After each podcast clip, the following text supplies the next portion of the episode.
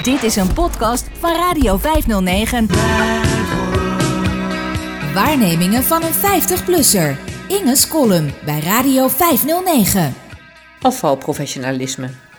Het wegwerken van je eigen huisvuil is tegenwoordig een heel gedoe en neemt behoorlijk wat tijd in beslag.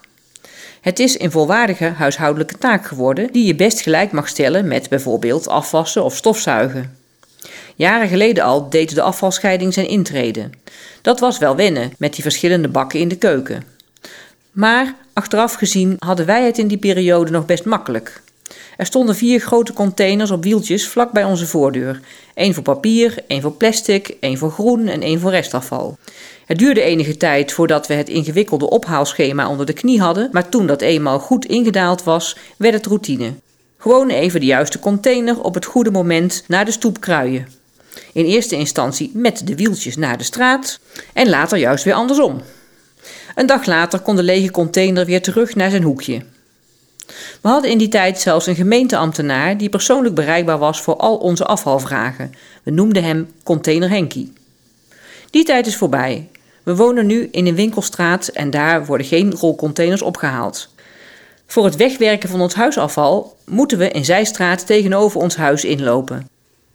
Een meter of vijftig naar boven, Soest is nogal heuvelachtig moet je weten, is een afvalparkje of milieustraat, of hoe zoiets ook heten mag. Toevallig, of waarschijnlijk niet toevallig, grenst dit afvalverzamelpunt aan een uitlaatveldje waar wij onze honden s'avonds laat nog even laten plassen. Er staan maar liefst zeven ondergrondse containers in dit parkje. Een soort textieltoren, twee glasbakken, een container voor plastic, één voor papier en karton, één voor groen en één voor restafval. Sommige containers zijn vrij toegankelijk voor de hele buurt, voor andere heb je een milieupasje nodig om ze te kunnen openen.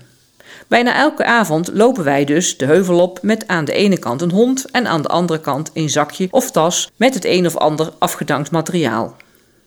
En in plaats van container Henkie te bellen, hebben wij ons moeten wenden tot de recyclecoach van reinigingsbedrijf Midden-Nederland.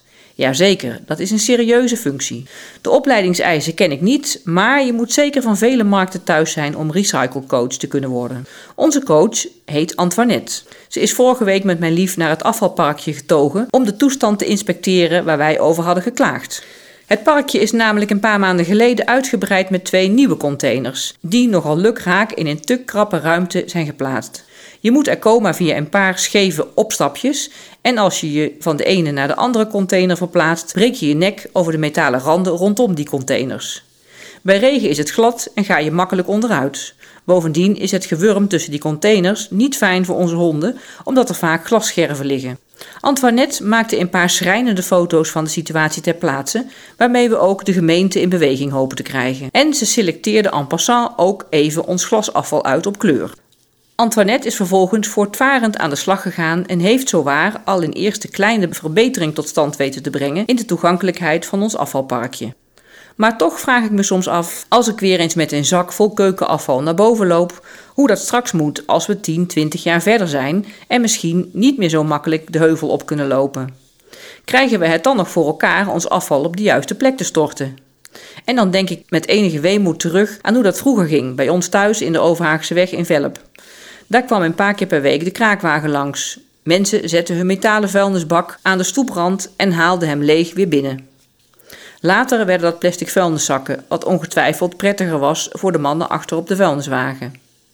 Toen had je ook nog gewoon vaders die om vijf uur s middags van hun werk kwamen. Verder niets in huis uitvoerden, omdat ze de kosten al verdienden, maar zo'n klein sjouwklusje graag even voor een vrouw opknapte, na de tv en voor het slapen gaan. Wat een eenvoud. Een goed gevoel.